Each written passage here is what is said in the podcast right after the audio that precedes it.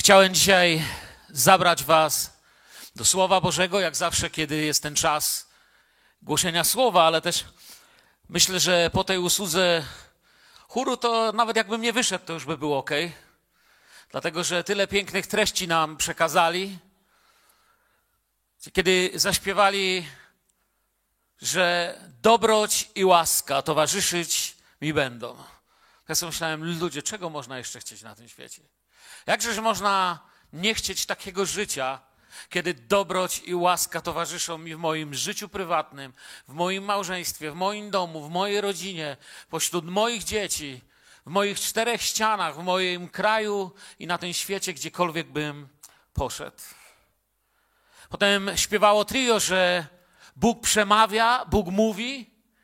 W środę głosiłem na temat właśnie tego, że Bóg mówi. Mówiłem o tak zwanym zatwardzaniu serca, o którym Biblia mówi kilkukrotnie, wzywając: Nie zatwardzajcie serc waszych.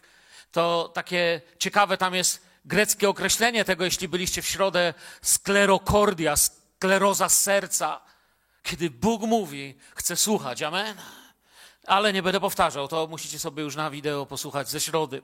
Dzisiaj udajemy się około plus minus 3 kilometry na północ od jeziora Galilejskiego do niewielkiej miejscowości na wschodnim brzegu Jordanu. W tamtych rejonach miałem przywilej dzięki pewnemu dobremu przyjacielowi być, który sprawił, że mogłem pooglądać sobie tamte miejscowości i trochę tam pochodzić. Ciekawe jest, że Mateusz nazywa tą miejscowość miastem podobnie Jan. Natomiast dla Marka to jest wieś. Nazywa się wioska dość ciekawie, nazywa się dom rybaka, lub jak wolimy, możemy przetłumaczyć dom rybaków, co po hebrajsku byłoby Betsaida. Wraz z Kafarnałów i Korazynem tworzyła rejon zwany trójkątem, ale nie bermudzkim.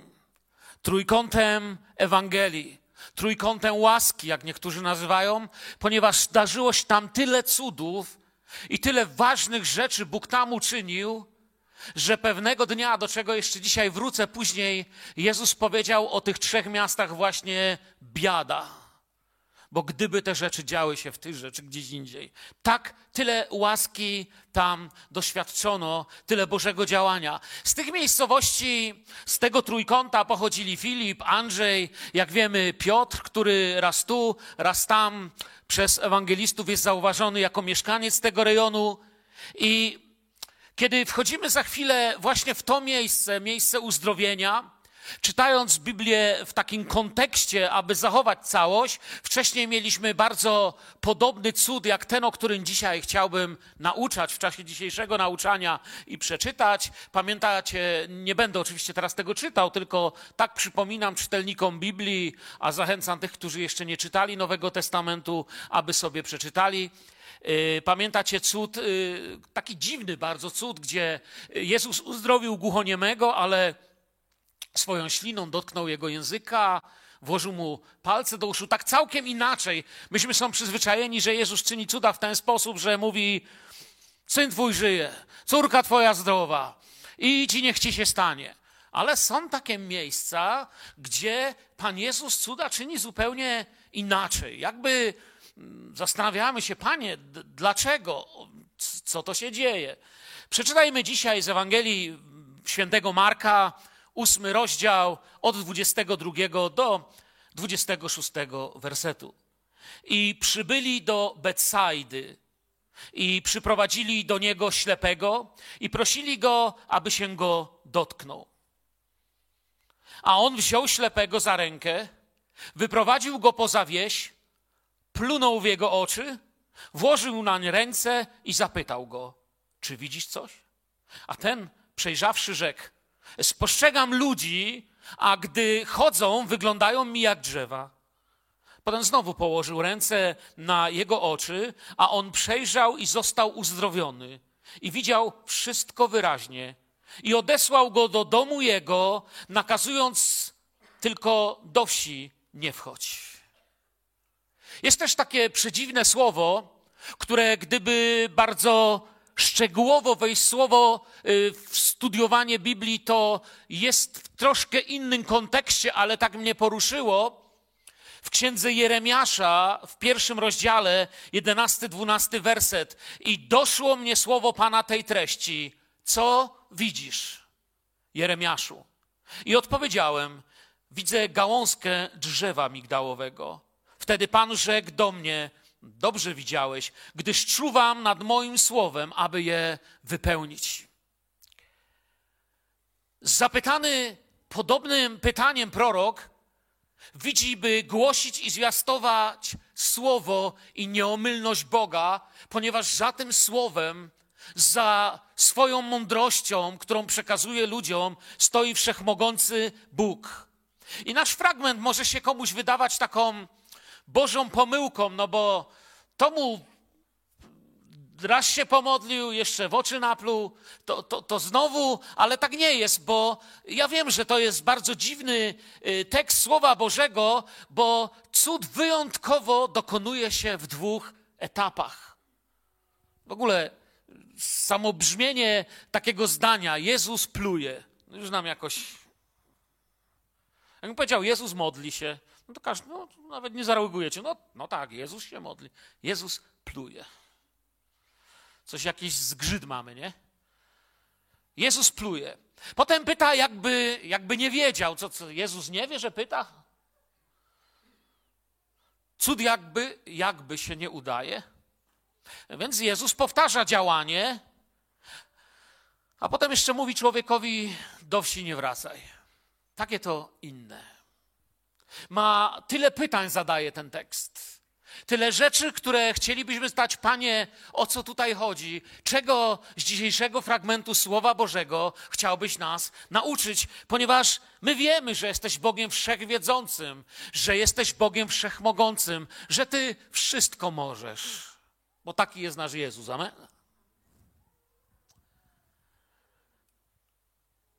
Wstęp do lekcji tego słowa Najlepiej oddałaby taka myśl, którą mam, kiedy jeszcze raz i jeszcze raz czytam to, czy ten poprzedni cud. Bogu łatwiej nas uzdrowić z ślepoty, niż nam ludziom zapragnąć widzieć i uwierzyć, że jest to możliwe.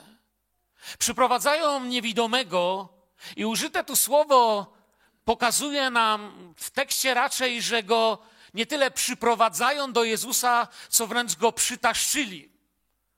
Jest trochę w taki sposób go prowadzą, jak był prowadzony e, lot z Sodomy. To znaczy, tak trochę chce, ale, ale trochę jakby nie chciał. Jest prowadzony tak, nie chcę użyć słowa na siłę, bo to jest trochę delikatniej niż na siłę, ale jednak to jest takie, no przytaszczyli chłopa, że tak powiem. Gdyby nie oni, on by nie przyszedł, nie tylko dlatego, że nie widział. Tak powiem. Niewidomy oczywiście wiemy, że ma ręce, ma nogi i rozum, ale niewiele może. Dlaczego? Proste, jest niewidomy. Odpowiedź tu jest taka jak zawsze. Gdy ktoś ma, wydawałoby się wszystko, ale nie może nic, kiedy w swoim życiu gdzieś w innej dziedzinie masz właściwie wszystko, stajesz i mówisz: Wiecie co, ja mam wszystko, ale w moim życiu coś nie działa, coś nie wychodzi to odpowiedź Boża prawie zawsze jest ta sama: brak światła, brak mądrości Bożej, brak światła. Wiemy, że Jakub mówi, by się modlić o mądrość. Wiemy, że wiedza jest rzeczą ludzką. Wiedzy się człowiek może nauczyć. Człowiek się tak może nauczyć wiedzy, że może dostać kilka dyplomów, może zrobić profesurę, może nawet yy, kilku, w kilku uczelniach być profesorem i nie wiadomo, jakie tytuły naukowe mieć. Bo wiedza jest rzeczą ludzi, można się nauczyć, ale mądrość pochodzi od Boga. Dlatego czasami ktoś ma tytuł, ale ktoś, prosty człowiek z jakiejś małej wioski, mówi mądrzej niż on, ponieważ ma mądrość. Mądrość jest czymś innym niż wiedza. Brakuje tu światła od Boga. Możemy mieć zresztą w kościele tak samo budynki, tradycje, poznanie, tylko światła nam trzeba. Moglibyśmy powiedzieć, mamy wszystko, i czasami Kościół powie, no właściwie mamy wszystko, ale coś nie tak. Gdy mamy światło, kielich i chleb stają się błogosławieństwem czekania. Bez światła są zmęczeniem celebrowania. Kiedy mamy światło, rzeczy mają sens. I Bóg chce, abyśmy otrzymywali światło, abyśmy byli uzdrawiani. W Ewangelii Jana 8:12 Jezus powiedział takie wielkie słowa: Ja jestem światłością świata. Kto idzie za mną, nie będzie chodził w ciemności, ale będzie miał światłość żywota. Kto idzie za mną, nie będzie chodził w ciemności. Wiemy, że człowiek, który chodzi w ciemności, jeżeli nie wiemy, co się dzieje z takim człowiekiem, no to, to wystarczy zgasić światło, nie? Nieraz na pewno, kiedy w nocy gdzieś szliśmy, szczególnie w obcym budynku, potrzebowaliśmy światła, bo się można uderzyć gdzieś w głowę albo przez coś przepaść. O ile bardziej w życiu, gdzie nie wiemy, co jutro niesie. Jakiś za nim.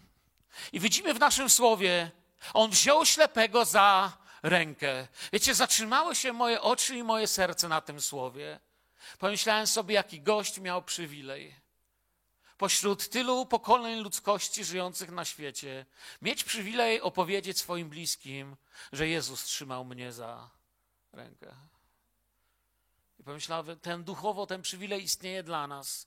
Wziął ślepego za rękę, wyprowadził go poza wieś, plunął w jego oczy, włożył na ręce i zapytał go, czy widzisz coś, mówi nam ten 23 werset. Pierwsza myśl.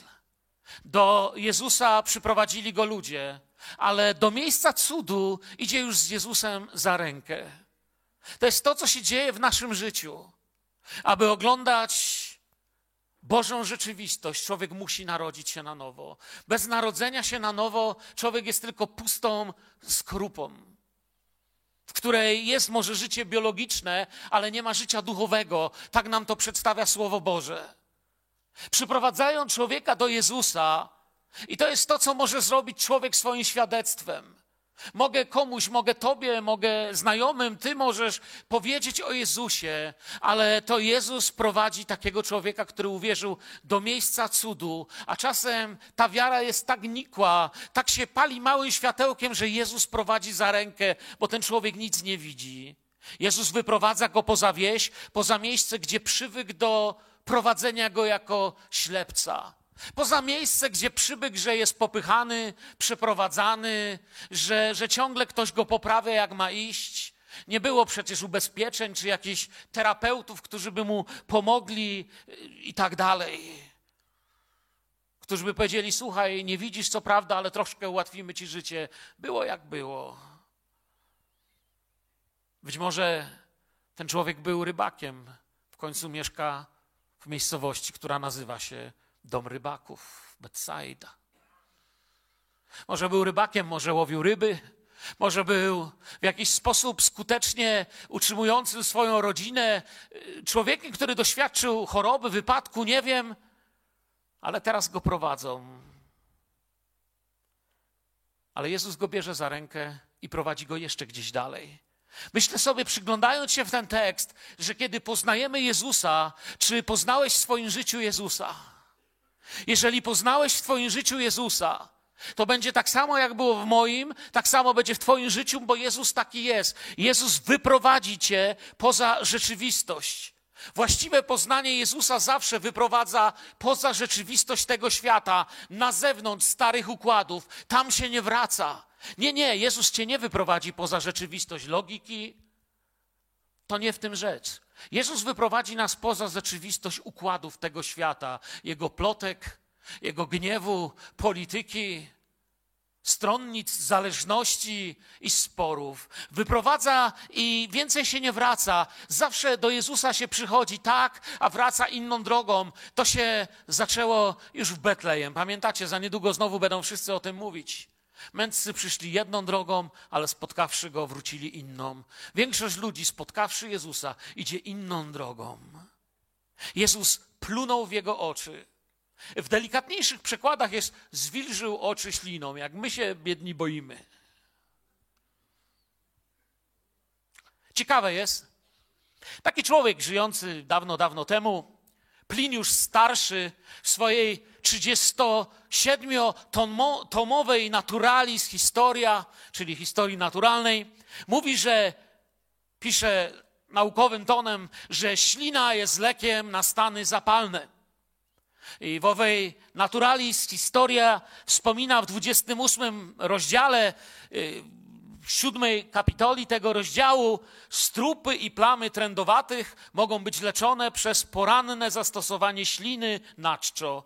Oczy mogą być wyleczone przez wczesną poranną ślinę, ale na czczo. Ja wolę do lekarza. Wy? No to tyle, jeśli chodzi o Pliniusza. Tacyt w historii swojej, w czwartym rozdziale swojej historii, Tacyta opisuje uzdrowienie śliną dokonane przez Wespazjana w Aleksandrii. Ale ja nie myślę, że Jezus to dlatego zrobił. Naprawdę myślimy, że Jezus potrzebował, nie wiem, śliny, żeby ktoś był zdrowiony. Nie myślę, by to o to chodziło.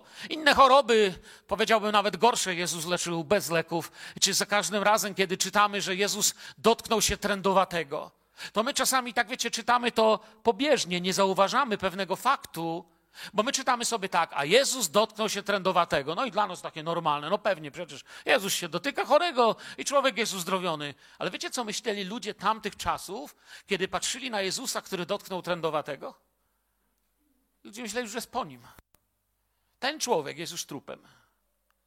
Nie można dotknąć bezkarnie trędowatego. Jeszcze tak. Ale nie tylko Jezus nie był trupem, ale tamten doświadczył uzdrowienia. Jak znamy Słowo Boże, wiemy, że Jezus potrafi uzdrawiać i nie musi nie wiadomo co robić. Zresztą nie trzeba wiele i głęboko wczytywać się jakoś Słowo Boże, czy, czy, czy badać kultury, aby wiedzieć, że plucie było w kulturze żydowskiej czymś bardzo poniżającym, bardzo obraźliwym. Ja wiem, że tam gdzieś wśród ludów północy, jak ktoś wziął czyjś talerz zupy i mu napluł, to było, że są kumple. Ale nie w kulturze żydowskiej. W kulturze żydowskiej plucie było poniżające i mamy to chociażby, nie wiem, w księdze Hioba, nie musicie tego szukać, to nie jest jakiś werset, który wam najbardziej do życia dziś jest potrzebny, ale tam Hiob mówi, prawda, brzydzą się mną, trzymają się z dala ode mnie i ośmielają się pluć mi w twarz.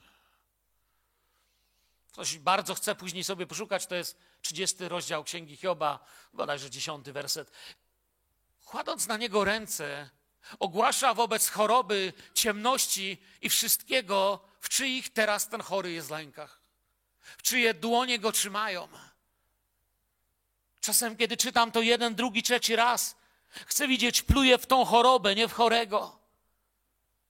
I pyta go, czy coś widzisz?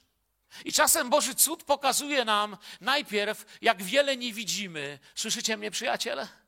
Czasami Boży cud pokazuje najpierw, jak wiele nie widzimy, bo gdy zobaczymy, jak wiele nie widzimy, to często dopiero nas zwali na kolana, by naprawdę przejrzeć. Podobnie doświadczył tego choćby Szaweł, pamiętacie, w drodze do Damaszku. Zanim zobaczył, to zobaczył, że nie widzi. A dopiero potem zobaczył to, co Bóg chciał mu objawić. Potrzebował, aby zrozumieć, że naprawdę niewiele widzi. I tak Jezus zaczyna to dziwne uzdrowienie i 24 werset mówi, a ten przejrzawszy rzekł. A więc przejrzał. Mówi, spostrzegam ludzi, a gdy chodzą, wyglądają jak drzewa. Wiecie, gdyby Biblia miała cenzorów, takich jak mają niektóre partie czy kraje, które z reguły lubią mieć w nazwie demokratyczne i tam pilnują, kto co ludzie czytają, co oglądają i ścierają, to gdyby Biblia miała cenzorów, no to powiedziałby ktoś, no to to trzeba wytrzeć. Jeszcze ktoś pomyśli, że się pomylił. Albo coś nie wyszło. Gdzie? To nie jest propaganda. To jest Ewangelia. Bóg chce, byśmy to zobaczyli. I nikt się nie pomylił. Gdyby chciał, aby tego fragmentu nie było w Słowie Bożym, to za pierwszym razem by tego człowieka uzdrowił. Ale jednak czyni to, byśmy czytali i zdobywali duchową mądrość. Jezus niektóre rzeczy musiał dwa razy czynić, a ludzie dalej nie widzą. Jezus chce, byśmy coś zobaczyli. I wierzę, dlaczego, dlatego właśnie tak to jest opisane. Nie wiem, czy zauważyliście w Biblii na przykład, kiedy Jezus pomnożył jedzenie i nakarmił tłumy, uczynił to ile razy? Dwa razy. Dwukrotnie to uczynił. Tłumaczy to uczonym w poprzedzającym nas fragment wersetach, tłumaczy to uczniom, tłumaczy to ludziom. My ludzie często nie widzimy. Pamiętacie, Jezus w ósmym rozdziale Marka mówił tam chwilę wcześniej przed naszym fragmentem od 19 do 21 mówi, gdy łamałem pięć chlebów dla pięciu tysięcy, ile koszów pełnych resztek chleba zebraliście? Pyta ich Pan Jezus. Odpowiedzieli mu dwanaście. A ile koszów pełnych okruszyn zebraliście? Siedmiu chlebów dla czterech tysięcy. Czyli zrobił to ile razy? Dwa razy. Odpowiedzieli mu siedem i rzekł im: Jeszcze nie rozumiecie? Jeszcze nie rozumiecie? Jeszcze macie jakiś, jeszcze nie widzicie, można by było powiedzieć? On chce, byśmy coś widzieli, byśmy coś pojmowali, zrozumieli. Niewidomy za pierwszym razem widział trochę. Y, trochę to jest dość, by coś powiedzieć, ale nie dość, by z daleka poznawać Jezusa i by znać wolę Bożą i by siebie nazwać tym, którego Bóg prawdziwie uzdrowił. To jest dość, żeby powiedzieć, że coś się stało. Widzi ludzi jak drzewa. Pomyślałem sobie, to takie, tak rozmyślając nad tym fragmentem w nocy, widzi ludzi jak drzewa. Kiedyś Izajasz w czasie modlitwy spojrzał w Boże serce i zobaczył w Bożym sercu krzyż. Napisał jedne z najbardziej poruszających fragmentów Starego Testamentu. To są te fragmenty tam, Izajasz 53 i obok. To są te fragmenty, które znamy, gdzie z drżącym sercem prorok pisze o baranku, który jest prowadzony w milczeniu na rzeź. Pisze o tym, że pomiędzy przestępców go zaliczyli. Kiedyś z tego fragmentu, pamiętam, tu głosiłem i mówiłem do was wtedy, że pomiędzy przestępców go zaliczyli, czyli raz, dwa, trzy. Zaliczyli go pomiędzy kogo? Przestępców. Raz, dwa, trzy. Dzisiaj Rzymianie ukrzyżowali trzech zbirów na drzewie krzyża. I ludzie widzieli tylko trzech zbirów na drzewie krzyża. Widzieli tylko jakby drzewa. Widzieli tylko jakby co się stało. Jakby jakby. Można na początku widzieć tylko drzewo, ale to jeszcze ślepota. A potem kiedy przyjrzysz się tym drzewom, kiedy Bóg cię dotknie tym, co czytasz o Jezusie, który niósł ciężki krzyż na Golgotę za moje i Twoje grzechy, nagle nie widzę tylko drzewo krzyża, nagle nie widzę tylko tradycji, nagle nie widzę niczego jakby, ale Syna Bożego dostrzegam.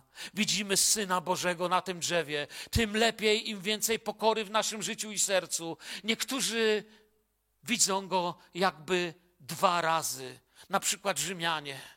Dlaczego mówię jakby dwa razy? Bo najpierw plują mu w twarz, ubliżają, rwą brodę, przebierają za króla, znęcają się, chce im się bawić jego kosztem, kosztem skazańca, który drży przed tym, że za chwilę jego mięśnie rozerwie niewyobrażalny ból gwoździ i niesienia krzyża. Kpią z niego, prowadzą go podobnież Via Dolorosa za miasto, jak mówią prorocy, aby go ukrzyżować. I krzyżują go brutalni Rzymianie, a Duch Święty objawia nam stan serca jednego z nich w 27 rozdziale Mateusza w 54 wersecie. A setnik i ci, którzy z nim byli i strzegli Jezusa, ujrzawszy trzęsienie ziemi i to, co się działo, przerazili się bardzo i rzekli – zaiste ten był synem Bożym. To mówi setnik i Rzymianie, którzy go strzegli, a więc ci, którzy go prowadzili, którzy, pod których strażą był, a więc ci, którzy z niego kpili. Ten człowiek jest setnikiem. Setnikiem w rzymskim wojsku nie zostawało się byle jak. Naprawdę widział gość swoje. To byli brutalni żołnierze brutalni, sklęci, nie mający litości żołnierze, których psychika była wypatrzona przez niemal codzienne egzekucje. Nie wiem, czy wiecie, że na przykład w 70 roku, kiedy Jerozolima była oblegana przez Tytusa, żeby zgnębić psychikę Żydów broniących Jeruzalem, Rzymianie na ich oczach każdego dnia krzyżowali stu skazańców. I wymyślali różne pozy, różnego rodzaju brutalne sposoby krzyżowania, bo im się nudziło po jakimś czasie. Stu ludzi dziennie było krzyżowanych wokół Jerozolimy w 70 roku przez wojska Tytusa. Brakło drzew na krzyże w okolicy. Brakło materiału, żeby pognębić serce tego narodu, który był w murach Jerozolimy. Rzymianie go widzieli, ale oto widzę, jak ten, który właśnie w takim wojsku był tak brutalnym, doświadcza drugiego widzenia, jakby jego oczy zostają dotknięte, jakby ktoś ściąga zasłonę, jeszcze przed chwilą kpili. A teraz widzi coś innego. Dwa razy widzi go jeden ze złoczyńców. Jeszcze przed chwilą kpił ale zobaczył coś takiego. Nie dłońmi go Jezus dotknął, ale swoimi słowami. Syn Boży mówił na krzyżu coś takiego, że jeden z tych zbirów ukrzyżowanych obok Jezusa nagle mówi: My tutaj jesteśmy za nasze winy. A on, on nic nie uczynił. Setnik mówi: to, to, to przecież jest syn Boży. A zbój mówi: On nic złego nie zrobił. A jedni i drudzy jeszcze chwilę wcześniej widzieli, ale jakby nie do końca to, kim on naprawdę jest. Rzymianie go widzieli, ale teraz znów widzą i nie kpią. Piotr też zobaczy go inaczej od tej pory, bo już w następnym wersecie przecież Jezus zapytał ich w 29, a wy za kogo mnie uważacie? Wtedy Piotr odpowiadając rzekł mu, tyś jest Chrystus. Tak i ten ślepy za chwilę zobaczy coś jeszcze inaczej. Teraz widzi ludzi jakby drzewa. Od początku tłumaczy się to tym, że musiał wcześniej widzieć, choćby z tego powodu, że wie, jak drzewa wyglądają. Dlatego przypuszczamy, że było to wynikiem choroby lub wypadku. Widzi jakby drzewa, ale nie za bardzo potrafi powiedzieć, co widzi. Rozróżnia ludzi od drzew, ale tylko jak się ruszają. I 25 werset mówi: Potem znowu położył ręce na jego oczy a on przejrzał i został uzdrowiony i widział wszystko wyraźnie. Jak Biblia mówi wszystko i wyraźnie, to nie wiem, czy znacie taką tajemnicę. Wszystko oznacza wszystko, a wyraźnie oznacza wyraźnie. Widział wszystko wyraźnie. Teraz nie widzi już coś jakby. Teraz widzi wszystko i wyraźnie. Teraz widzi jak jest. Wyraźnie i wszystko widzi. Co widzi? Widzi jeszcze więcej niż wszystko. Bo wszystko przez Niego powstało, a bez Niego nic nie powstało, co powstało. Kiedy otwierają się Jego oczy, co widzi? Jezusa. Widzicie to? On widzi Jezusa. Wyobrażasz sobie?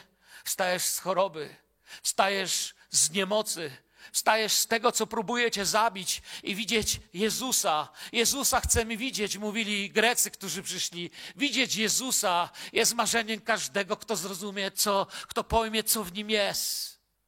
Kto zrozumie, co tam w nim, w naszym Panu jest. Gdy prawda otwiera oczy, widzimy Jezusa.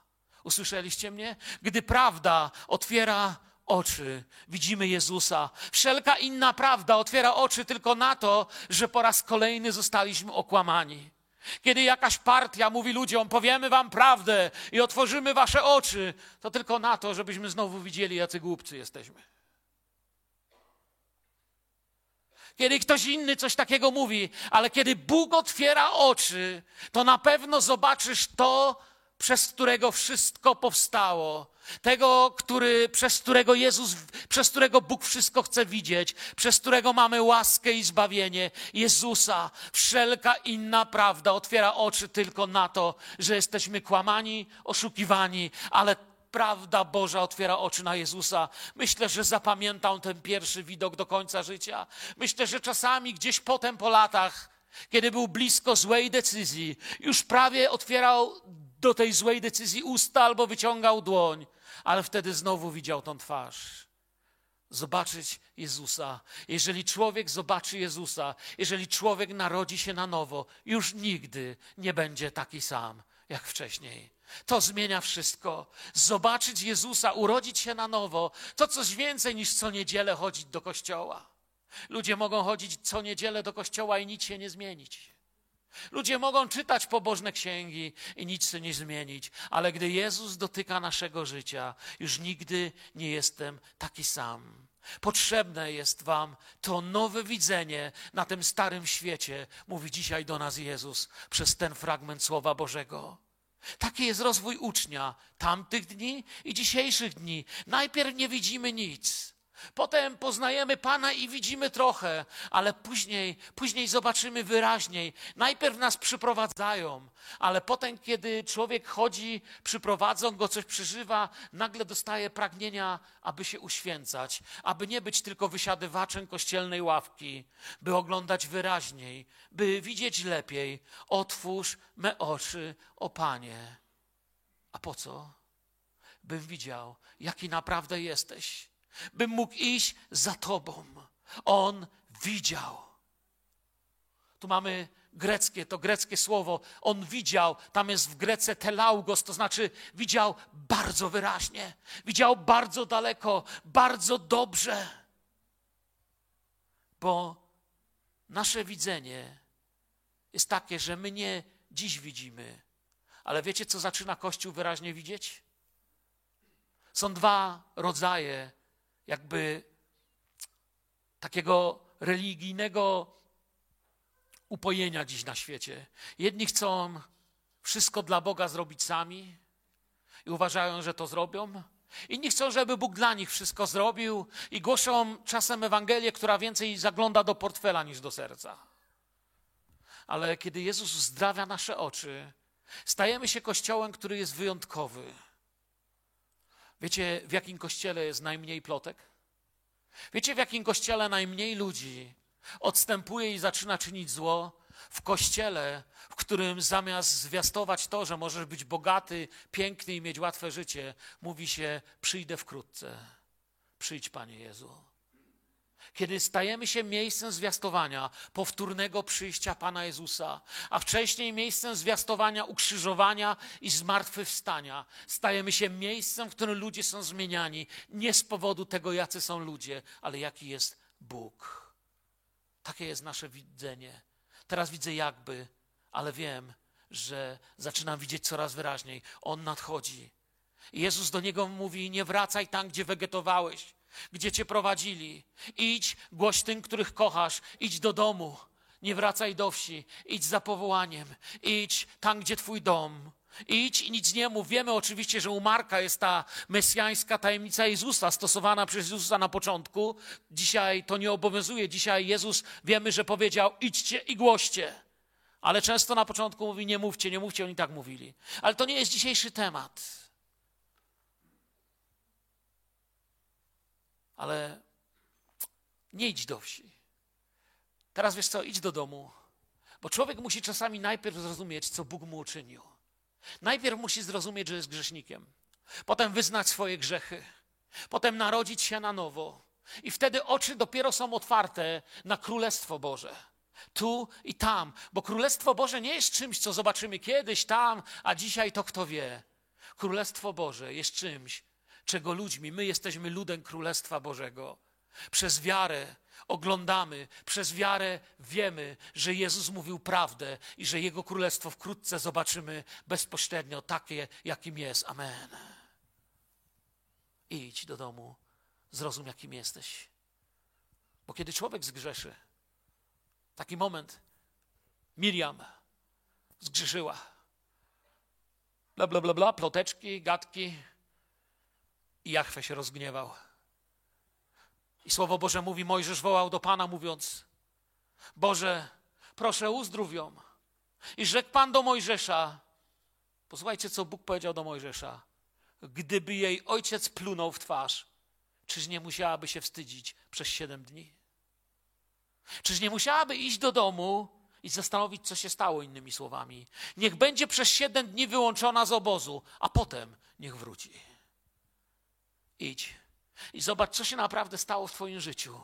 Pewnego dnia Jezus powie: biada, biada, biada Korazin, biada Kafarnaum, biada Betsaidzie. Nic się nie nauczyliście z cudów Pana. Betsaida, podobnie jak Jerozolima, w 70 roku zostanie zniszczona, przepraszam, już w 67 zostanie zniszczona przez wojska Tytusa, o których dzisiaj już wspominałem. Trzy lata przed upadkiem Jerozolimy Rzymianie wejdą do Betsaidy. Wielu ludzi pójdzie w niewolę, zostanie sprzedanych, wymordowanych, miasto będzie zniszczone, zwalone, potem zresztą nadal będzie istnieć, ale już pod inną nawet nazwą jakiś czas i tak dalej. To nie dziś czas na taką historię. Ale może dzisiaj nie powinno nas oburzać i tworzyć niesmak tego, że Jezus użył śliny. Może powinniśmy się zastanowić, że po szorskim drzewie krzyża lała się krew zbawcy, że Bóg użył tej krwi, krwi niewinnego baranka, aby zmyć mój i Twój grzech. Grzech ślepców, którzy tyle razy w życiu żyli i nie widzieli, że Bóg jest tak blisko, że Bóg tak kocha. Jeden z najbardziej niezwykłych chrześcijańskich autorów książek, jaki, jacy żyli do tej pory w historii Kościoła, Andrew Murray. Jego książki kocham czytać szczególnie, kiedy mamy czas postu i modlitwy. Polecam wam. Napisał do swoich rodziców list jako młody człowiek. Był wysłany do szkoły. Wyjechał do Szkocji z RPA, bo pochodził z RPA, mieszkali w RPA. Autor wielu wspaniałych książek. I wiecie, co jest ciekawe? Uderzyło mnie, kiedy przeglądałem i tłumaczyłem dzisiaj rano, bo właściwie dzisiaj rano ten list wpadł mi w czasie porannego czytania w ręce. Ten list został napisany 14 listopada, dzisiaj jest 14 listopada 1845 roku. I tak jakoś mi wpadł w ręce. I tak mnie poruszył, wiedząc, co będę dzisiaj do Was mówił w czasie nauczania Biblii. Andrew Murray, młody człowiek, Rzeczby można nastolatek wtedy. Pisze do swoich rodziców, tylko fragment wam przeczytam. Kochani rodzice, sprawiliście mi wielką przyjemność swoim listem z 15 sierpnia, powiadamiając mnie o urodzeniu się kolejnego brata.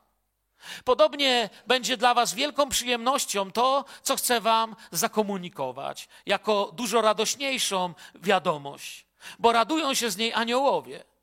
Wasz syn narodził się na nowo. Gdy spojrzę wstecz, w jaki sposób doszedłem do tego miejsca, muszę przyznać, że byłem ślepcem. To on poprowadził ślepca drogą, której nie znał, do miejsca, o którym nie miał pojęcia. Jak ja się modlę, żeby jeszcze wielu, których kocham, Bóg dotknął ich oczu. Jak ja się modlę, otwórz moje oczy, Panie. Pośród tego hałasu i bluźnier z polityki, i krzyku na tym świecie, nienawiści, której poziom wznosi się jak jakieś wściekłe morze w naszych czasach. Tak chcę zobaczyć to, co Jezus ma dla Kościoła. Tak chcę zobaczyć, by otwierał moje oczy, by poprowadził drogą, której jako ślepiec tyle lat nie znałem.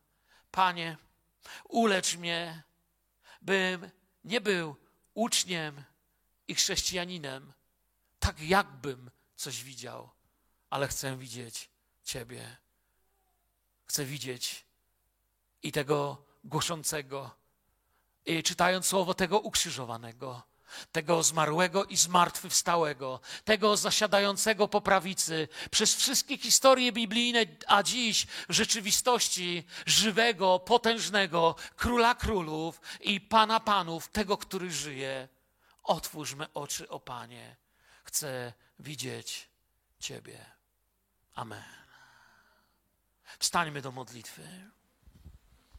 Panie, dziękuję Tobie, że dajesz nam Twoje słowo. Panie, proszę Ciebie dzisiaj, jeśli pośród nas są ci, którzy nie wiedzą, co to się dzieje, o co się obijają, o co się dzieją ich rany, jeśli pośród nas są tacy, którym jest dziś smutno, ciężko, nie mogą sobie poradzić, Proszę Cię też o tych, którzy tęsknią za Twoją chwałą. Panie, wyznajemy, że tęsknimy za Twoim potężnym działaniem na tym miejscu. Panie, otwieraj nasze oczy na wszystko, co przeszkadza temu. Otwieraj oczy nasze na wszystko, czym my przeszkadzamy w tym, aby oglądać w pełni to, co chcesz tu czynić. Dziękujemy Tobie, że jesteś Bogiem cierpliwym dla naszych niedostatków, że jesteś też Bogiem, który ma potężne i cudowne słowo, że dotykasz, przemieniasz. Dziękuję Ci, że może, mogą się zmieniać nasze, nasze domy, rodziny, nasze życie. Błogosław to dzisiejsze zgromadzenie. Niech Twój lud idzie do swoich domów. Chcemy być, Panie, światłem dla tych, co obijają się w tym mieście po nieszczęściach i tragediach. Chcemy być tą solą ziemi, tym przesłaniem o tym, że tak umiłował Bóg świat, że dał swojego Syna. Znalazłem Jezusa. Chwała Jezusowi. Chwała Jezusowi. Chwała Jezusowi. Oddajmy Mu chwałę i cześć i uwielbimy. Tak Ci, Panie, dziękuję, że znalazłem Ciebie, że znalazłem Ciebie, że Panie na tym świecie błądziłem, a Ty wyciągłeś swoją rękę i mogę doświadczać Twojego działania, uzdrowienia. Chwała, chwała i cześć Jezusowi. Oddajmy Jezusowi chwałę i cześć naszymi oklaskami i naszym sercem całym. Chwała i cześć Jezusowi. Amen.